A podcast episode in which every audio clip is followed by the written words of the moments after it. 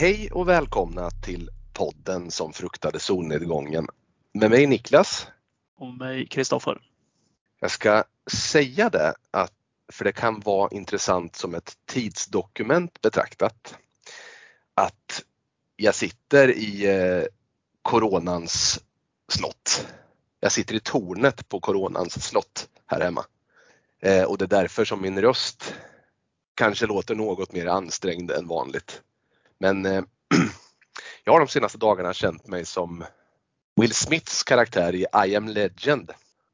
Min ensamhet i att inte ha covid kan liknas vid hans ensamhet vid att inte vara en zombie.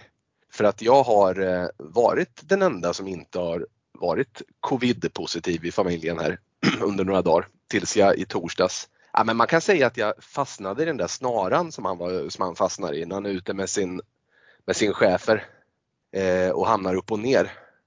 Jag har ingen chefer men jag har en bondkatt här hemma som brukar vara vid min sida. Det var alltså ett gäng eh, covid-stinna typer där som gillrat fällor för dig ute i Ljungsbro och sen hostade och smittade ner dig man var ute efter specifikt mig. och, och, så fick man mig. Men det verkar som att, eh, att det inte peppar peppar blev så farligt. Mer än att det är lite en snor i näsan som eh, får min röst att låta lite mer ansträngd. Hur mår du Kristoffer? Jodå tack, det är bara fint. Eh, jag och min sambo går i sista dagen av en graviditet här och väntar in vårt andra barn. Peppar peppar så är ingen av oss sjuk och vi hoppas att det förblir så. Vad har vi för eh, planer idag då? då? Då ska vi se en liten film, eller vi har sett en liten film och vi kommer bjuda in ett par gäster till podden idag. Vi har ju sett The Baby från 1973 och det kommer vi låta vår vän Christian berätta kort om hur och varför han har valt denna. Ja, och för den som lyssnade på premiäravsnittet här av vår podd så är det då Christian som sagt var och Nicke Björk som kommer gästspela då och då i podden. Så ska vi göra så att vi tutar igång dagens avsnitt. Nu ser jag att eh, grabbarna sitter ute i lobbyn här och väntar på att bli insläppta. Och det är väl bara att vi öppnar upp och startar igång dagens podd. Varmt välkomna till podden som fruktade solnedgången. Niklas Björk och Christian Johansson. Vilket är ditt fullständiga namn? Det är Lars-Arne Christian Johansson. Och vilken är din favoritskräckis? Favorit och favorit, men eh, första skräckminnet och den sitter ju fast. Eh, det är ju Djurkyrkogården från 89 måste jag ändå säga. Eh, den traumatiserade mig under många, många år. Så jag svarar djurkyrkogården på den. Tack Krille. Och i andra luren, någonstans nere under jorden på botten av ett hål i Linköpings city med muskler utav stål. Vi ger er. Niklas Björk, vilket är ditt fullständiga namn? Just det. Mitt fullständiga namn är Karl Niklas Sten Björk. Och vilken är din favoritskräckis? En av mina favoriter är The Invincible Man. Originalet alltså? Originalet, ja. Incredible how you can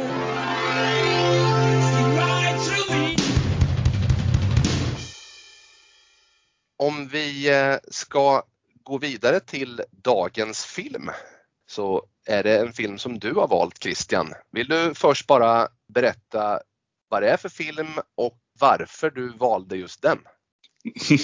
ja, absolut, jag kan försöka.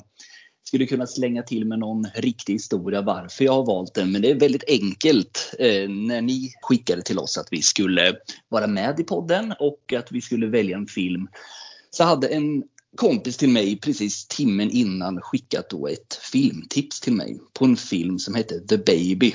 Eh, hade aldrig hört talas om den här filmen. Jag såg posten. Det var då något form av vuxet barn i en spjälsäng som höll i en yxa.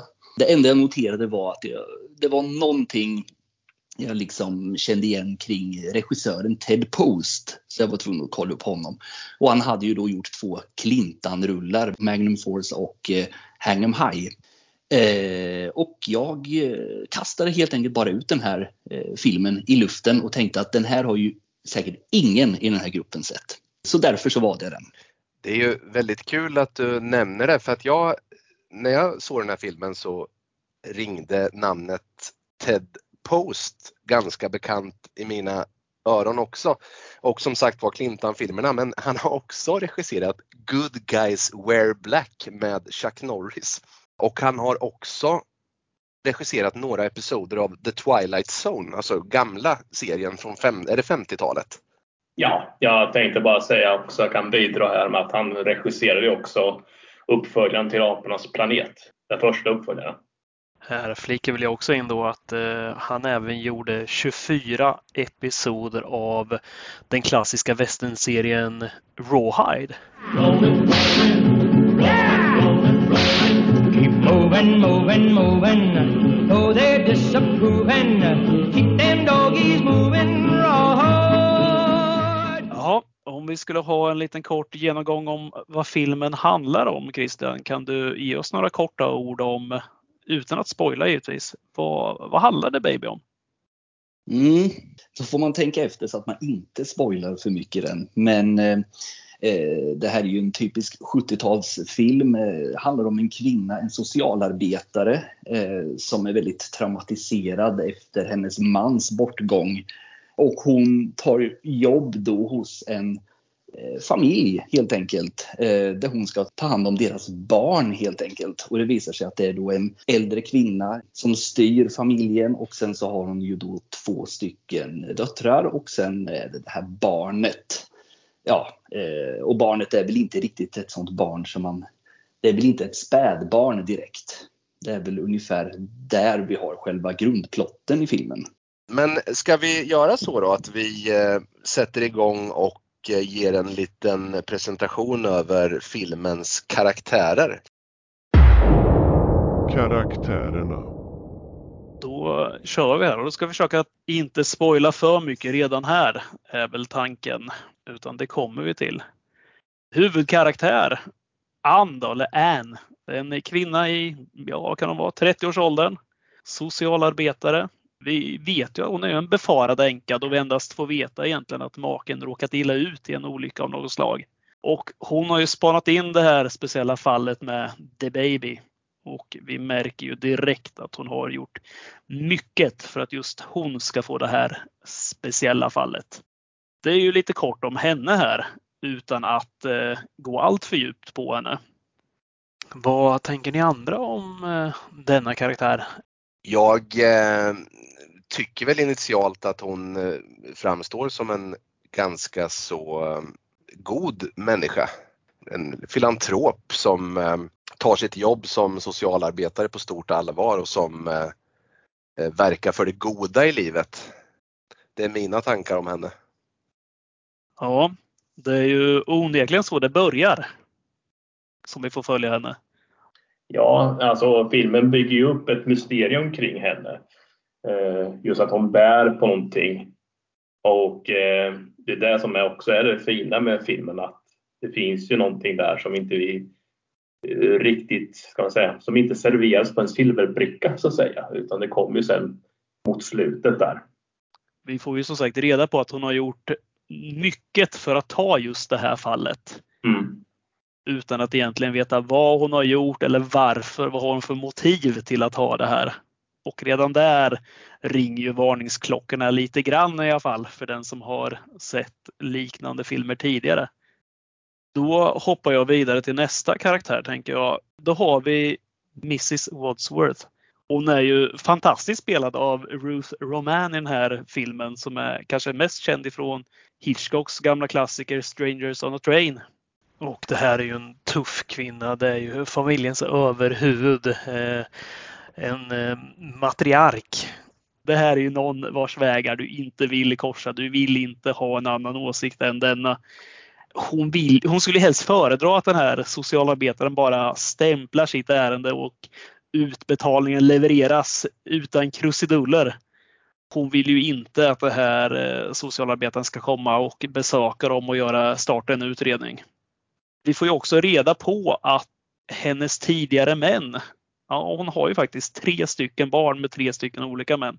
Och alla är ute ur bilden. Vi får inte reda egentligen på vad som har hänt där utan vi får ju reda på bara att den senaste, pappan till The Baby, lämnade strax innan födseln. Jag skulle säga det att eh, det är härligt när eh, den initiala i alla fall antagonisten i filmen utgörs just utav en, en, en som benhård matriark som sagt var. Hon är ju, hon är ju tuff. Jag måste säga att attributet rökning gör ju en filmkaraktär alltid tuffare. En, eh, alltså den här rökningen som också har lämnat avtryck på hennes röst och ger den en viss pondus det gör henne, den, alltså, jag, skulle, jag skulle ta det så långt och säga att det, när filmhjältar och filmskurkar slutade röka på film så blev de alltid mindre tuffa. Eh, jag ska också säga att, eh, att eh, Ruth Roman är också nog en av de bästa delarna med den här filmen. För eh, hon är förbaskat bra i sin roll. Hon är, hon är sin karaktär. Hon är tuff men hon får också vara sårbar också. Hon visar också en saknad efter Baby.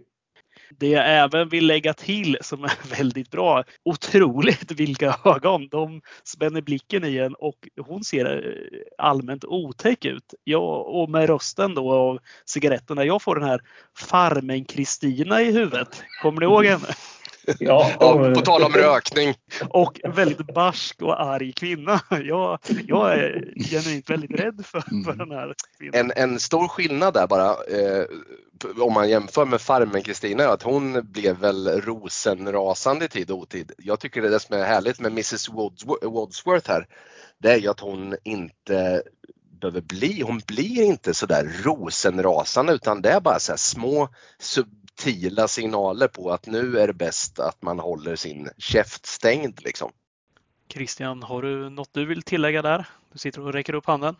Nej, mer, mer än att just understryka det ni säger att i, hon är ju fantastisk i den här rollen och just den intensiteten. Och väldigt roligt att ni tog upp Farmen Kristina för det var precis det jag tänkte också på. Eh, men hon, just den här intensiteten. Eh, man, man, jag tycker inte man ser inte de eh, rollprestationerna idag riktigt. Det här är någonting väldigt genuint äkta över hela hennes presentation. Det tycker jag sammanfattar henne väldigt bra. Då tar vi dottern Alba, yngsta dottern. Kan vara tidiga 20-årsåldern första presentationen av henne är att hon säljer tennislektioner för fickpengar egentligen. Hon är faktiskt väldigt ond och hon är inte alls särskilt snäll eller trevlig. Hon är väldigt hård mot just Baby. Eh, särskilt i en scen då hon med en elektrisk kofösare straffar honom och skanderar ord som, eller meningar. Baby doesn't talk, baby doesn't stand and baby doesn't walk. Och eh, jag får en liten känsla av att det här kanske är ett barn som inte fått den uppmärksamhet riktigt som behövs. Ja, nej men eh, exakt. Hon är ju den, eh, hon är ju iskall den här kvinnan. Sen är det ju också, kommer ju fram att hon ville ju att de skulle sälja Baby och till cirkus med. Så att där finns det inte den kärlek mot Baby. Hon ser väl honom som en belastning jag skulle säga att eh, jag får känslan av att Alba är eh, the muscles i den här familjen. Alltså hon är jakthunden, vakthunden, den som, eh, som man initialt skickar på någon man behöver bli av med på grund av hennes eh, lynnighet och råhet och, och iskyla. Som hon inte minst visar som sagt var den här killen Dennis senare i filmen när hon är i utbyte mot eh, att han ska då få närma sig henne fysiskt, måste hålla sitt finger i, en, eh, i ett ljus av en tändare. Ja, nej men Alba hon känns ju som den här unga, eh, vilda, lite promiskuösa 70-talsbruden. Eh, som sagt, men hon är ju, ja, eh, hon är ju som ni säger väldigt cool men hon är också som sagt, det är hon som på något plan är den här drivande kraften i familjen mot baby. Den här eh, just scenen och det känns som att hon vill ju bara, han är en belastning men hon hon vill trycka ner honom, trycka bort honom hela tiden helt enkelt. Och som någon av er var inne på förut att hon är väl just den här barnet som själv inte hade den här glada uppväxten och kanaliserar ut det här. Det avhandlar väl Alba rätt bra. Då går vi vidare till dotter nummer två som heter Germaine. Och det är ju äldsta dottern. Jag skulle väl tro att hon är ungefär samma ålder som, som Anne. Hon försörjer sig som modell och skådespelerska för struntsummor även hon. Det är väl därför de är så desperat behov av de här checkarna som ska skrivas ut för Baby. Germaine har jag väldigt svårt för i den här filmen att veta vad man har. För att i första anblick så tycker jag nästan att hon verkar lite, lite lesbisk där och tittar på Anne med väldigt stora ögon och lockande ögon. Medan i nästa scen så ser vi hur hon smyger in i Babys rum där han ligger i sin spjälsäng och sover och hon kommer in i bara nattlinnet och eh, vi ser att det faller av och vi vet inte riktigt vad som händer sen, vilket är lite, det känns väldigt 70-tal. Det här ska vara en liten chockerande grej, vilket inte egentligen förklaras någonsin i filmen. Men ja, där har vi Jermaine. Ja, och jag skulle komma in här på att det här har vi referens 2 till Clint Eastwood. För eh, skådespelaren heter ju Marina Hill och hon är även med i Mannen med oxpiskan. Så att vi har Ted Post som har regisserat två Clinton-filmer och så har vi då Marina Hill där också. Bra med kuriosa. Krille? Mm. Ja, Jermaine, hon var ju också lite svår. Jag hade inte så svårt för själva karaktären i sig, men hon var ju också lite svår att sätta fingret på helt enkelt. Eh, att hon verkade ju genuint intresserad av Anne eh, samtidigt som hon har då något form av sexuell relation till Baby. Niklas, du hade någon annan spaning där? Hon verkar slitas lite. Alltså hon, hon, det är väl, det finns anledning att tro att hon i grund och botten är god, men att det blir fel utifrån hennes uppväxt och hur hon agerar. Klandervärt i många lägen, men det känns som att hon inte gör det riktigt med den här cynismen som till exempel Alba visar upp då. Nästa karaktär jag har skrivit ner är Judith. Det är ens eh, svärmoder som hon verkar ha en väldigt, väldigt nära relation med. Man får inte riktigt veta någonting mer om Judith, men eh, Anne åker hem, besöker henne eller bor hon till och med där.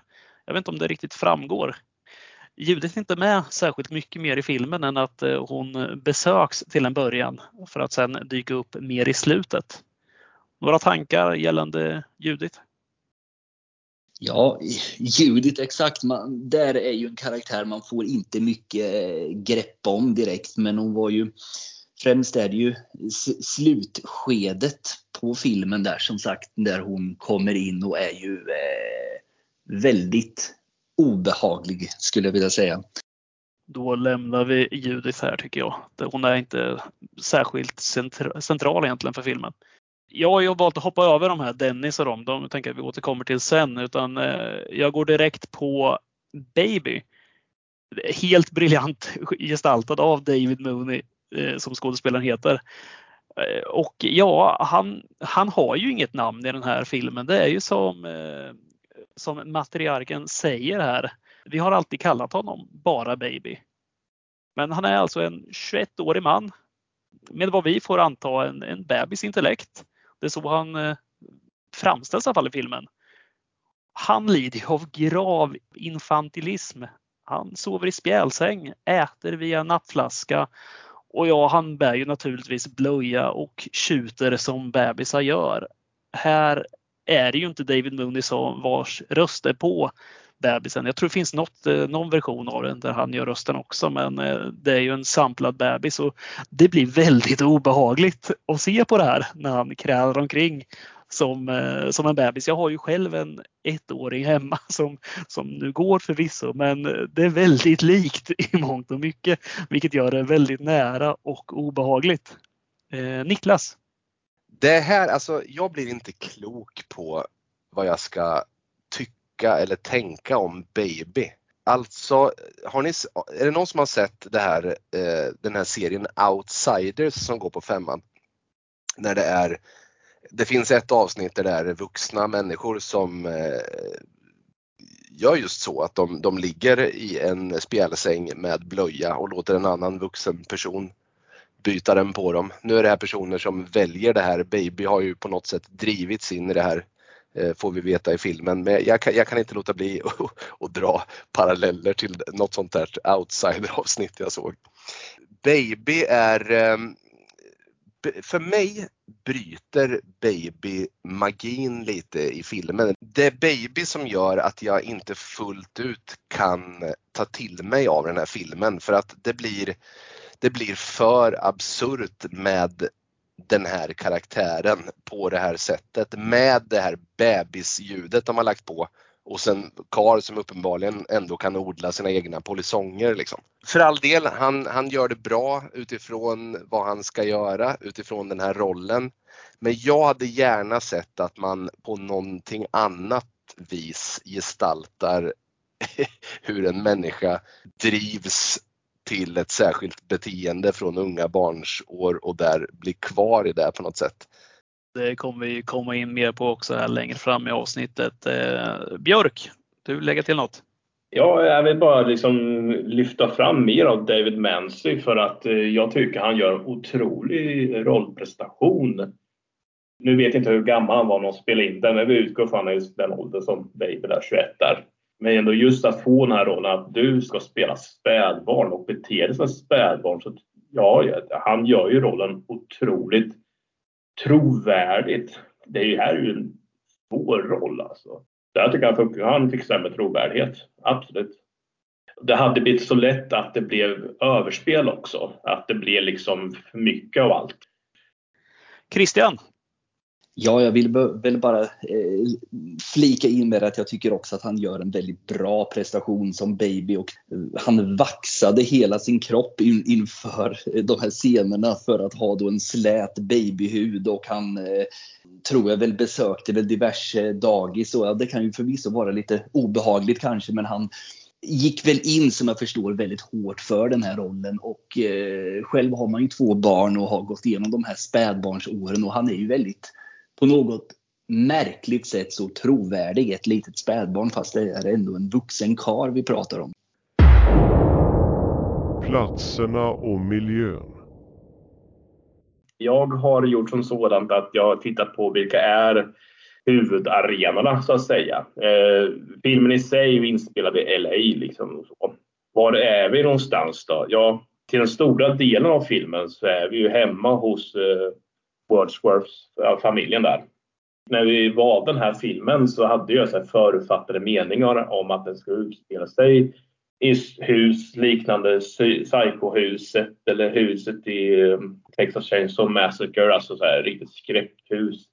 Men det här är ju en stor villa, en vit villa, tegelvilla som ligger centralt i ett samhälle. Eller ja, det finns ett hus bredvid och så.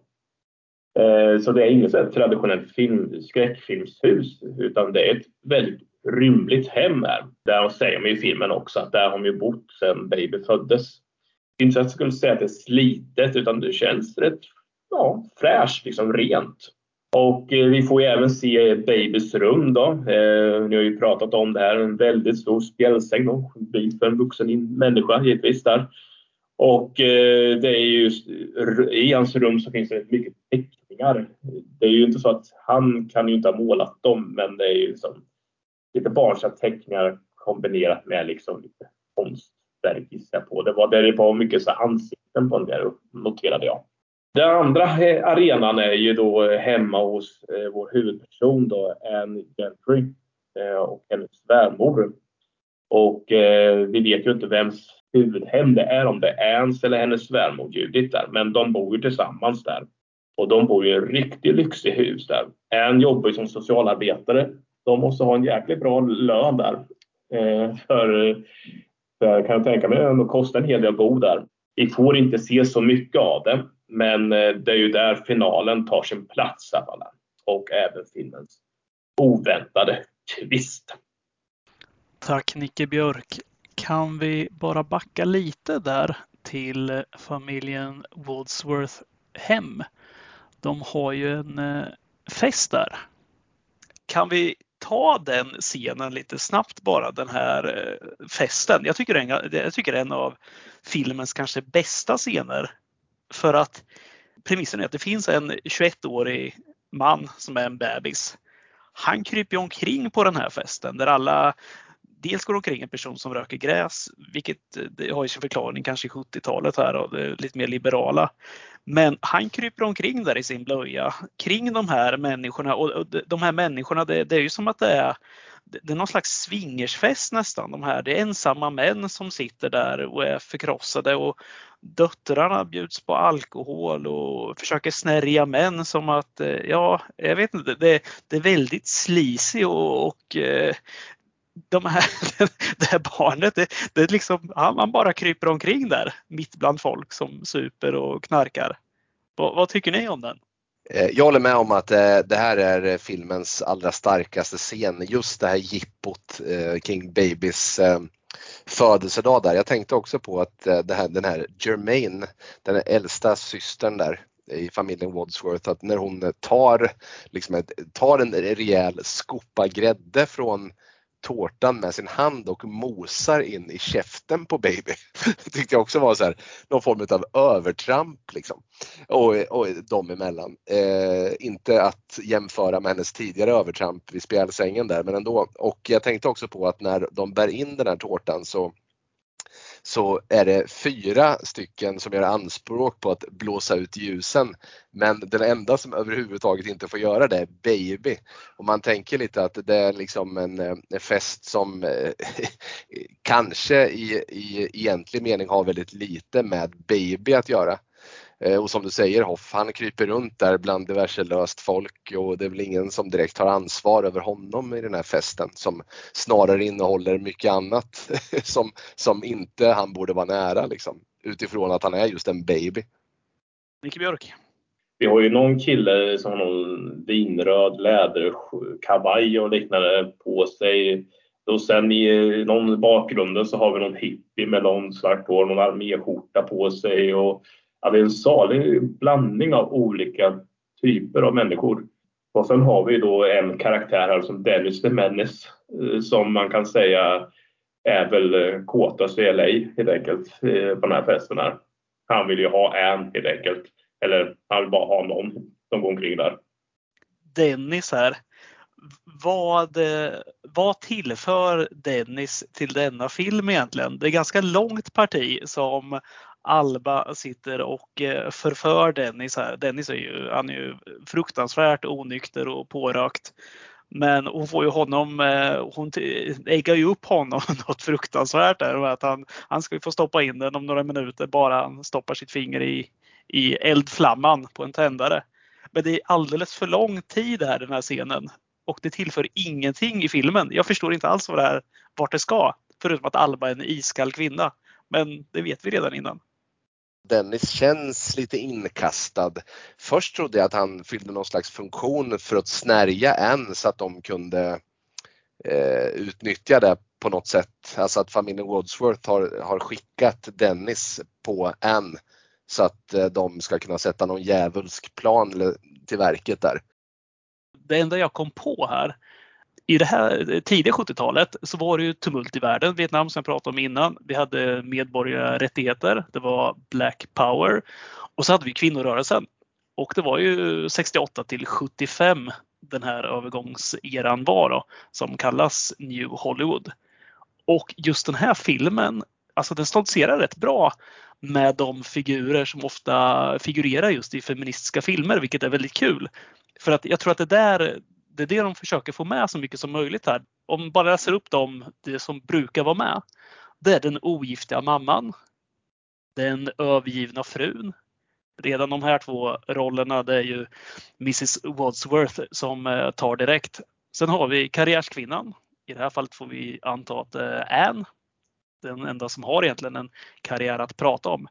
Sen kommer Dennis tror jag. Den kastrerade mannen Jävla bra titel ändå. Och eh, här har vi ju Dennis då, som är helt oduglig. Alltså han är totalt sämst. Alla män i den här filmen är odugliga. Det, den enda som är vettig egentligen, det, det kanske är hans chef. Men alla andra är totalt super. Och den sista vi har egentligen det är döttrar som agerar ut. Och både Alba och Jermaine får väl anses agera ut och vara sina starka och självständiga kvinnor här. Hotet. Ja, alltså så som filmen börjar och så som vi anar till att börja med så är det ju det största hotet för Äh, ja, I och med att baby, ganska tidigt så, så blir man ju varse att Baby på något sätt borde ha kapacitet att klara mer än att vara i bebisstadiet. Notera bland annat att eh, när han får sin benmassage där så reagerar Ann på att eh, hans eh, benmuskulatur är helt i sin ordning och att han borde ha kapacitet att gå. Och att vi ganska snart där börjar inse att på något sätt så, så hindras han ju från att utvecklas av Mrs Wadsworth och hennes två döttrar eh, som via olika metoder då eh, ser till att han, han håller sig eh, i det stadie han är i så att säga. Då. Jag kanske tar den något för långt men eh, alla som är föräldrar i någon mån kan ju skrämmas lite. Jag gör det själv i alla fall när man börjar få lite större barn att de här åren när de är bebisar kommer inte igen och på något sätt så skulle man kunna tolka det här som att man att Mrs Wadsworth gärna har en, en liten också som hon inte gärna släpper iväg för att hon är rädd för att eh, för att eh, till slut bli ensam då, vilket man följaktligen blir när barnen flyttar ut och så vidare. Jag vet inte hur mycket jag ska ta det vidare här sen innan men jag, jag får också en känslan av att Anne som väldigt tidigt i filmen visar en väldigt, väldigt, väldigt ett väldigt stort intresse och ett väldigt stort engagemang för Baby och hans utveckling. Varför gör hon det? Vad, vad är det med henne och hennes syfte i filmen som vi inte riktigt förstår? Här mittemellan blir det någon form av sammelsurium av olika tankar kring vad som, vad som är hotet i den här filmen. Jo, men jag tänkte på vad du sa just där om eh, Mrs Wadsworth. Där med, det är ju en fest i filmen där och då håller hon ju lite tal där för några gäster och, och de medan hon håller om Baby. Hon eh, vill ju skydda honom. Han ger ju liksom henne mening med livet. Hon lever ju för honom. Eh, För att jag tror hon säger också att barn växer upp, de flyttar hemifrån och sen är de borta. Men baby kommer ju alltid vara baby. Så han kommer ju alltid vara kvar där så att hon kan ta hand om honom. Så hon, hemmet där blir ju hans skydd. Ja, jag backar lite där till det här med varför han är som han är den här baby. Varför hon gör så mot honom. Jag tror ju, eller jag, som jag tolkar det lite, hon, eh, fru Wadsworth är ju som sagt lämnad eller hon har tre tidigare män, två tidigare män förutom Babys fader som alla har lämnat henne eller försvunnit spårlöst på något sätt. Hon har ju förlorat så mycket män i sina dagar och att det är därför då som hon kramar sig fast vid Baby och vägrar låta honom egentligen växa upp här. Att det är det som är själva hennes eh, plan hon har tappat tron på, på män helt och hållet känns det lite som. Dels så kanske det är att hon inte vill se honom växa upp till att bli just en sådan man som har uppför sig klandervärt. Men också att hon eh, inte förlorar kontrollen över honom. Att hon eh, kan, att, att hon, hon har honom under kontroll och kan därmed också styra på vilket sätt han påverkar henne i hennes liv. Christian, du sitter och räcker upp handen. Låt din vackra röst tala. Vad har du att säga om det? Precis som jag tänkte också när jag såg den här filmen just att eh, hon, eh, mamman är ju som sagt eh, väldigt eh, sargad person som vi säger och mycket riktigt som jag sa tidigare att det upplevs ju som att hon kanske haft ett tufft liv på riktigt och eh, karaktären har ju helt klart haft ett tufft liv. Så jag spelade också in det här med att just hennes relation till Baby handlar ju om att hon vill inte att han vare sig antingen ska växa upp och bli eh, en man och ett svin till exempel som hon är van vid, eh, som hon har träffat. Eller att han ska växa upp i den här världen överhuvudtaget. Att få vara ett oskyldigt barn för alltid. Eh, lite att hennes eh, sår eh, läks lite grann av att se det här oskyldiga barnet helt enkelt. Då så Christian, då är det din tur att ta oss igenom den avslutande delen i denna dissekering. Vi har kommit till dödsfallen. Låt din vackra röst tala. Dödsfallen. Ja, morden i sig, de får ju vänta på sig ett tag i den här filmen utan det kommer ju precis mot slutet där. Eh, då har de ju en fest hemma och de drogar ju Ann, lägger någonting i hennes drink. Den här mamman och döttrarna. Men mitt i det här så lyckas Baby rädda henne och de flyr iväg i natten. Mamman och döttrarna blir ju väldigt upprörda över situationen och vill ju för allt i världen få hem Baby. Framförallt mamman här då är ju väldigt, väldigt upprörd över situationen. Eh, så de åker iväg i natten hem till Anne och hennes svärmor för att helt enkelt återkräva Baby. Och hon låter först döttrarna gå in i huset. Eh, hon sitter kvar och väntar i bilen. För att sen eh, själv gå in i det här huset. Och då hittar hon då sina döttrar. Det går ju väldigt snabbt. Det först Jermaine hon hänger över ett räcke in i huset med eh, avskuren hals och det är så här typisk 70-tals mordscen med eh, lite lite för ljust teaterblod på halsen. Eh, hänger hon där över räcket och eh, strax efter så kommer Alba ut eh, ur ett rum där med en kniv i ryggen. Och då visar det sig att Judith, som jag förstod i alla fall, som har då dödat båda dessa. Ja, och så blir det ju en, eh, det blir en fight eh, i huset eh, nere i hallen där mellan svärmor och med svärmor och Ann och mamman här då. Och de tvingar ner mamman och bakbinder henne och sen följer en hemsk scen då när Ann och hennes svärmor hjälps åt att gräva ner Babys familj ute i någon form av grustag helt enkelt. Och mamman är ju väldigt har ju en oerhörd ångest i den här scenen och eh, undrar vad eh, de har gjort och varför de har tagit Baby och har en väldigt dödsångest i den här scenen. Där hon ligger i sanden bredvid sina två döda döttrar. Så det är väl egentligen det som är själva morden i själva filmen. Eh, Niklas, flik in. Vad har du att säga?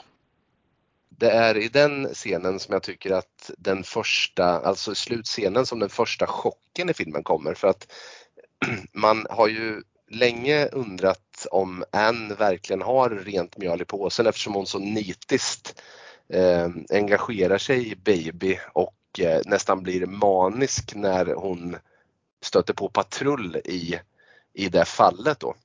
Att familjen Wadsworth är kapabel till mord. Det har vi ju förstått sedan tidigare i filmen. Men när Jermaine där hittas död först med avskuren hals är det va?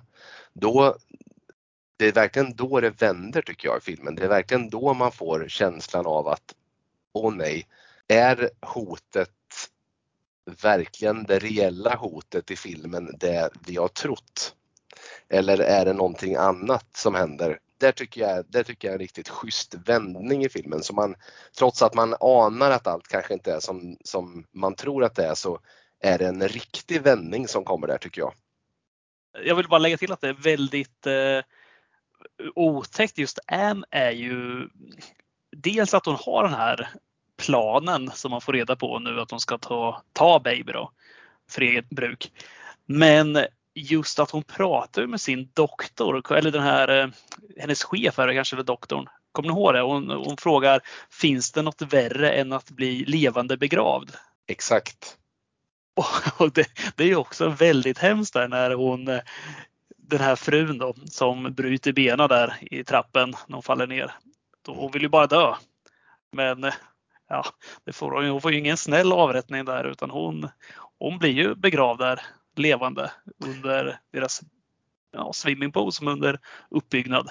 Det tänkte jag också på, eh, precis som du säger och det vittnar också om hur långt tillbaka hon har haft just den planen som hon sen realiserar i slutet av filmen. Gör hennes karaktär jävligt creepy faktiskt. Nicke Björk, bli ett med mikrofonen. Ge oss dina tankar. Jo, det är ju som så att det är det här också man känner vem ska vi sympatisera med? Vem är vår hjälte? Och har filmen någon hjälte? Ja, familjen Wadsworth är inte heller några änglar, men liksom hon dödar ju dem ganska brutalt och eh, kallt. Så att hon är ju skoningslös mot dem och eh, utsätter liksom eh, för eh, Mrs Wadsworth för det bland det värsta som finns och det är ju levande begravd där. Så att det blir ju verkligen en vändning på hennes karaktär liksom. Och eh, jag tänkte också på att eh, tidigare i filmen, eh, innan eh, Anne blir bjuden på festen så ringer ju Mrs Wadsworth hem till Anne och eh, bjuder in henne. Samtidigt så får man ju se att även Judith, svärmor, då, också lyssnar på detta samtal och då har ju kameran liksom ett delat fokus på Judith. Alltså man ser Judith prata i telefon men i bakgrunden ser man också en stor köttyxa. Och då, tänkte, då tänkte jag lite grann att jag undrar om den köttyxan kommer komma tillbaka i filmen och mycket riktigt i slutet så dyker den fram där när Judith stormar fram med den i högsta hugg där. Det tänkte jag också på direkt när den zoomades in där. Och, och Judith har ju en otroligt obehaglig blick också. Hon skriker ju nästan lite psykopatkärring när man ser henne där. Jag som sagt vittnade om min lite skräck för gamla tanter på film och Judit är oerhört obehaglig. Det tyckte jag redan från första scenen egentligen. Hon påminner mig lite grann om den här häxan i ett Arkivex-avsnitt som genom att hålla sitt namn över ett svart eh, blockljus kan få folk att göra ohyggliga saker mot sig själva. Hand och inte namn. Lite lika i sitt utseende, vilket skrämde mig vid första anblick av den här svärmodern Judith. Då har vi ju brutit ner den här filmen enligt de punkter vi har satt upp. Men eh, Björk, du hade någon viktig scen där du ville diskutera eller släppa fram dina åsikter lite mer. Kör på! Ja, viktig och viktig, men liksom det var för mig var det liksom den första scenen jag kände vad i helvete är det som händer här? Sammanfattat så är ju familjen Goldsworth ute och festar och då är en barnvakt kvar där som ska då vakta baby. Hon har först ett lite småsnuskigt samtal med sin pojkvän genom telefon. Baby börjar skrika så hon lägger på, går upp och kollar vad som händer och det visar sig då att baby vill komma ut på golvet. Efter viss tvekan så släpper hon ut baby och eh, leker lite med honom och eh, det slutar med att han slår in skallen då i väggen där och baby blir givetvis ledsen och börjar gråta. Och då ska hon trösta honom och då märker man att baby är hungrig och hon hittar ut nappflaskan och eh, baby börjar då som dra fram hennes bröst. Och hon blir ju som nej, nej, nej och så.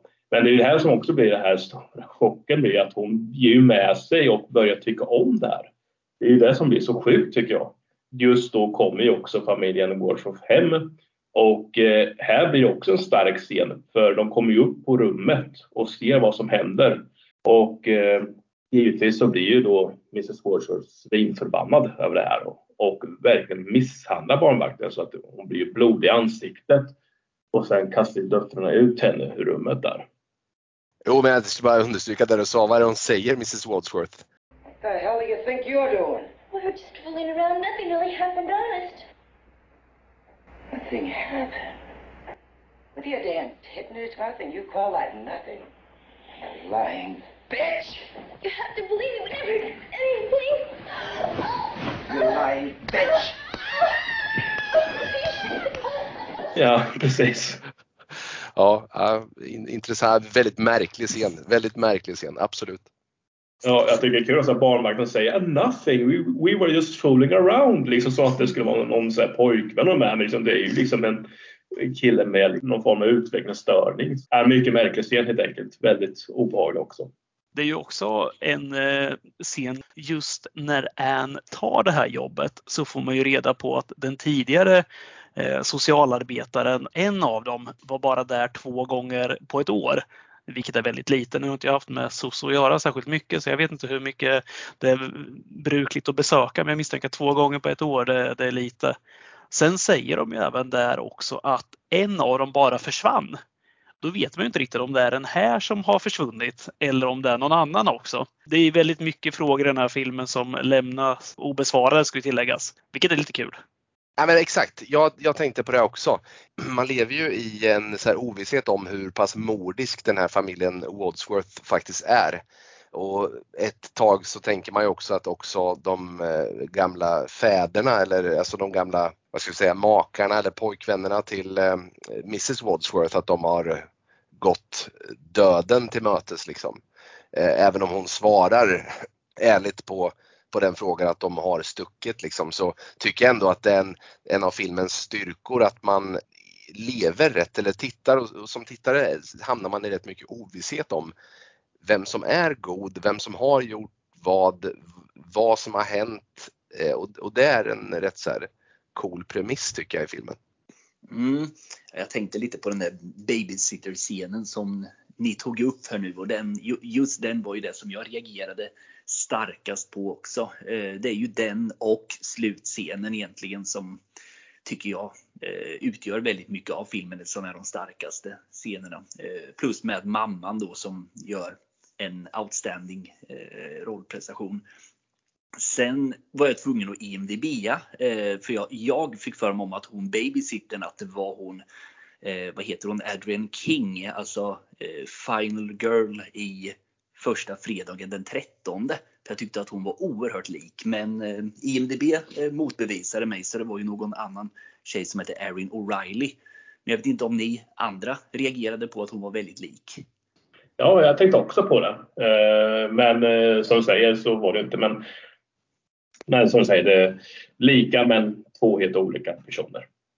Ni kan era kvinnor och tuttar från 70-talet. Det är en sak som är säker.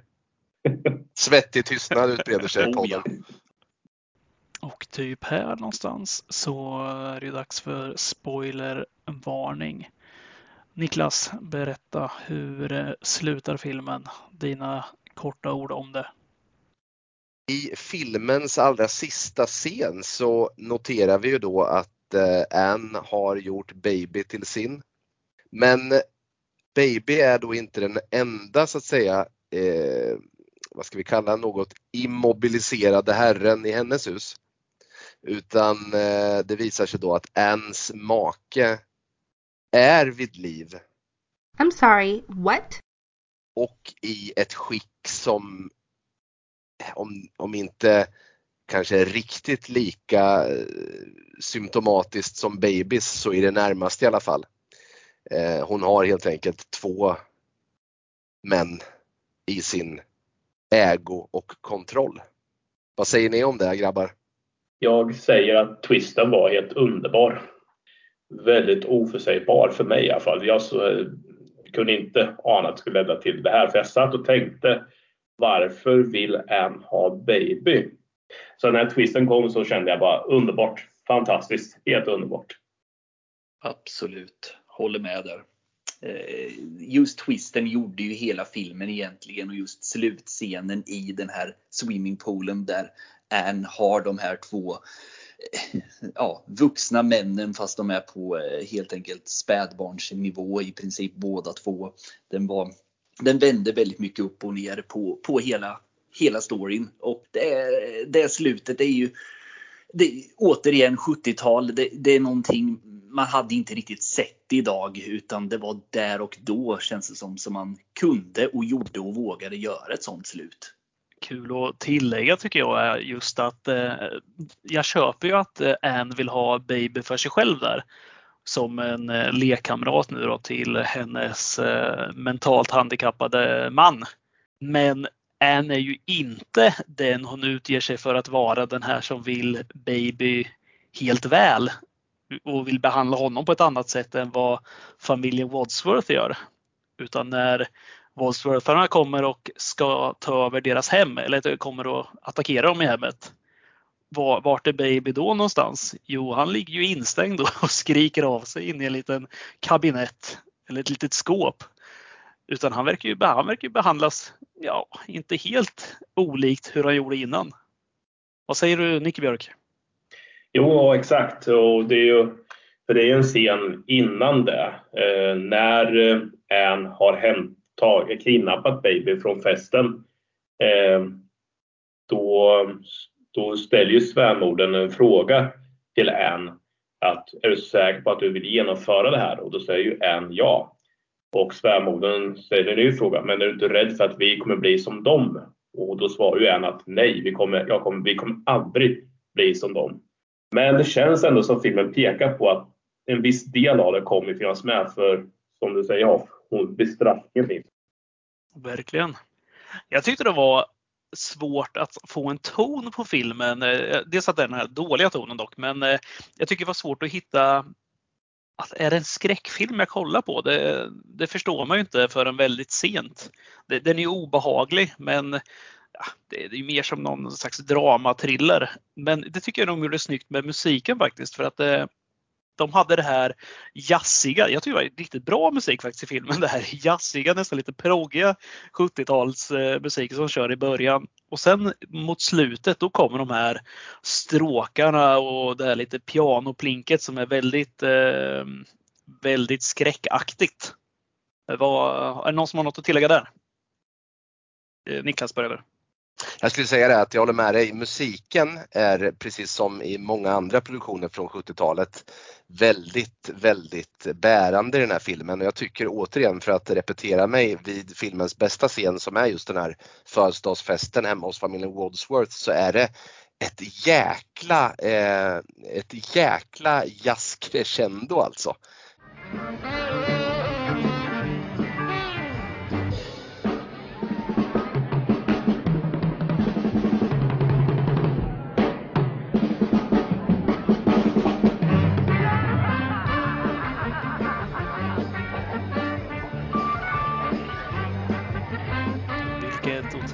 Jazzande vi hade där. Eh, Björk, du hade också synpunkter på musiken.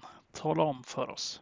Jag tyckte om ledmotivet, det som spelas i början av filmen. Eh, jag fick lite västervibbar av den musiken där. Och jag tyckte också var rätt snyggt. När, för då får vi se när förtexten eh, går, att då får man se Ann sitter där med ett fotoalbum eh, på eh, eh på The Baby och eh, ser då hur han är som barn och hur han blir äldre och äldre och äldre. Men han är ändå alltid ett spädbarn fast han blir ju äldre han blir. Sen ska jag också säga så att jag tittade en hel del på den här eh, dokumentären som följde med Blu-rayn och Ted Post var inte, han tackade inte ja direkt till att göra den här filmen. För ni tog ju upp att den känns ju inte som en riktig skräckfilm. Och det kan ju försöka bero på att Ted Post inte riktigt till en början inte ville göra det här för han sa själv att det här kändes väldigt negativt, alltså för mörkt. Men eh, manusförfattaren övertalade till sist honom att tacka ja och han tog jobbet. Men fokuset för honom var storyn och karaktärerna.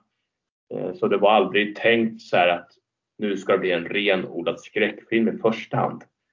Eh, jag tänker lite grann på som Thomas Alfredsson gjorde med Låta detta komma in, för det är också en skräckfilm men mycket fokus är ju på dramat medan skräcken är i bakgrunden där. Det var lite tankar och reflektioner jag gjorde där. Krille? Yes, ja, nej men jag tänkte också på, jag, jag tänkte inte så mycket på kanske, kanske westernfilm i början utan då fick jag lite så här skräckfilmsvibbar. Eh, typisk eh, 70-tal också. Fick lite känslan av den här, vad hette den? The Changeling. Eh, kom väl 80 förvisso, men lite sån känsla fick jag. Men ganska snabbt så övergick ju filmen till det här glättiga 70-taliga, lite mer ja, åt drama, nästan ibland komedihållet för att sen gradvis gå mer åt skräckhållet igen. Men det är just det här och den här absurda skimret som liksom ligger över hela filmen. Eh, men jag tycker, ja, eh, jag gillar den väldigt mycket. Men eh, det är just det att man vet inte var man har vare sig karaktärerna eller vart man har filmen överhuvudtaget. Och alls vad det är för typ av genre man egentligen tittar på. Betyg 1 till 5. Jag hade inte Alltså jag hade inte, Baby var en ny upplevelse. Alltså jag hade inte sett filmen. Eh, hade hört lite om titeln och så. Men eh, så att man slängde in filmen i Blu-ray-spelaren så var det ju att man såg den med noll förväntningar. Och jag blev väldigt positivt överraskad. För det känns att den här filmen hade kunnat lätt spårat ur och bara blivit en fest i att chocka publiken. Men jag tycker att Ted Post, han gör ett bra jobb med att berätta historien. Det finns ett fokus på att eh, ja, han vill få fram sina karaktärer, han vill få fram den här storyn. Eh, och jag tycker att även om manuset som vi har tagit upp här, att det finns vissa svagheter i manuset, så är det överlag bra skrivet manus. Och eh, jag tycker jag gillar här mysteriet som finns också genom hela filmen, vad en vill med The Baby. Och twisten ligger bara till filmens fördel. Så eh, på det stora hela så är jag överlag väldigt positiv till filmen. Och eh, betyget blir faktiskt en fyra. Betyg 1 till 5. Till The Baby, ja. Nej, som sagt, den här filmen där eh, hade man ingen aning om vad det var som väntade överhuvudtaget. Man fick ju bara, jag fick ju bara ett tips som sagt från en kompis. Eh, man kastades in i den. Och jag var ju ganska inställd på att det här skulle vara kanske mer av en eh, eh traditionell skräckfilm eh, från 70-talet med just eh, någon, ja, mer, mer traditionell och mer skräckelement. Eh, men i och med att filmen ändå överraskade mig så mycket i sitt sätt att eh, förändras och vända och vrida och vred på karaktärerna och, och på handlingen Eh, så blev jag också som sagt väldigt positivt överraskad. Och just den twist som kom i slutet som eh, vände allting eh, på ända. Gjorde att eh, jag var väldigt positivt överraskad och tänkte att eh, från början trodde jag väl att det antingen skulle vara mer en klassisk skräckfilm eller att det bara skulle vara något utflippat, väldigt extremt pårök, pårökt historia. Eh, men jag blev väldigt positivt överraskad och jag landar nog på ett betyg eh, åtminstone, jag säger 3 plus till den här filmen i alla fall. Betyg 1 till 5. Eh, då ska väl jag vara lite mer negativ tänker jag. Jag, jag gillar att filmen tar en i en riktning som man inte är beredd på. Det tycker jag är kul. Jag tycker att många av de här andra 70-tals skräckisarna är ganska förutsägbara ofta och följer ett och samma, en och samma väg. Jag tycker också att skådespeleriet är jätteojämnt. Jag, jag älskar mamman i filmen, jag tycker hon är jättebra. Jag, sen tycker jag att det är otroligt eh, överspel från resterande ensemble förutom eh, The Bay. Bra. Eller ja, kanske att han är det också, men han gör det väldigt bra. Otroligt överspelat annars. Och just den här logiken som, eh, som inte finns. den stör mig något eh, kopiöst. Sen, eh, sen är den väldigt kort. Det tycker jag är bra. Den hade blivit väldigt hemsk att göra längre. Men jag tycker det är kul twist på slutet. Jag tycker det är nytänk. Jag skulle nog ge den 2 plus. Betyg 1 till 5. Ja, då återstår jag då. Jag gillar jag kan säga så här, jag gillar att filmen är lite ologisk. Jag gillar att filmen eh, erbjuder saker som man inte från början förväntar sig och att den, den verkligen slänger ut dimridåer kring vad man ska tro och vad man ska tänka. Både om karaktärer och om handlingen framåt. Jag skulle säga att mitt problem, och här är jag motvalls alltså mot er andra, mitt problem med den här filmen är The Baby det är han och den karaktären som tar mig ur filmbubblan. I de scenerna han är med så kan jag inte ta det på allvar längre. Skådespelaren, nu har jag tappat namnet på honom, han gör vad han kan men jag, jag, tycker att det är eh, ett, ett väldigt överspel och, och, och, jag är egentligen inte, jag är inte, jag är inte tokimpad.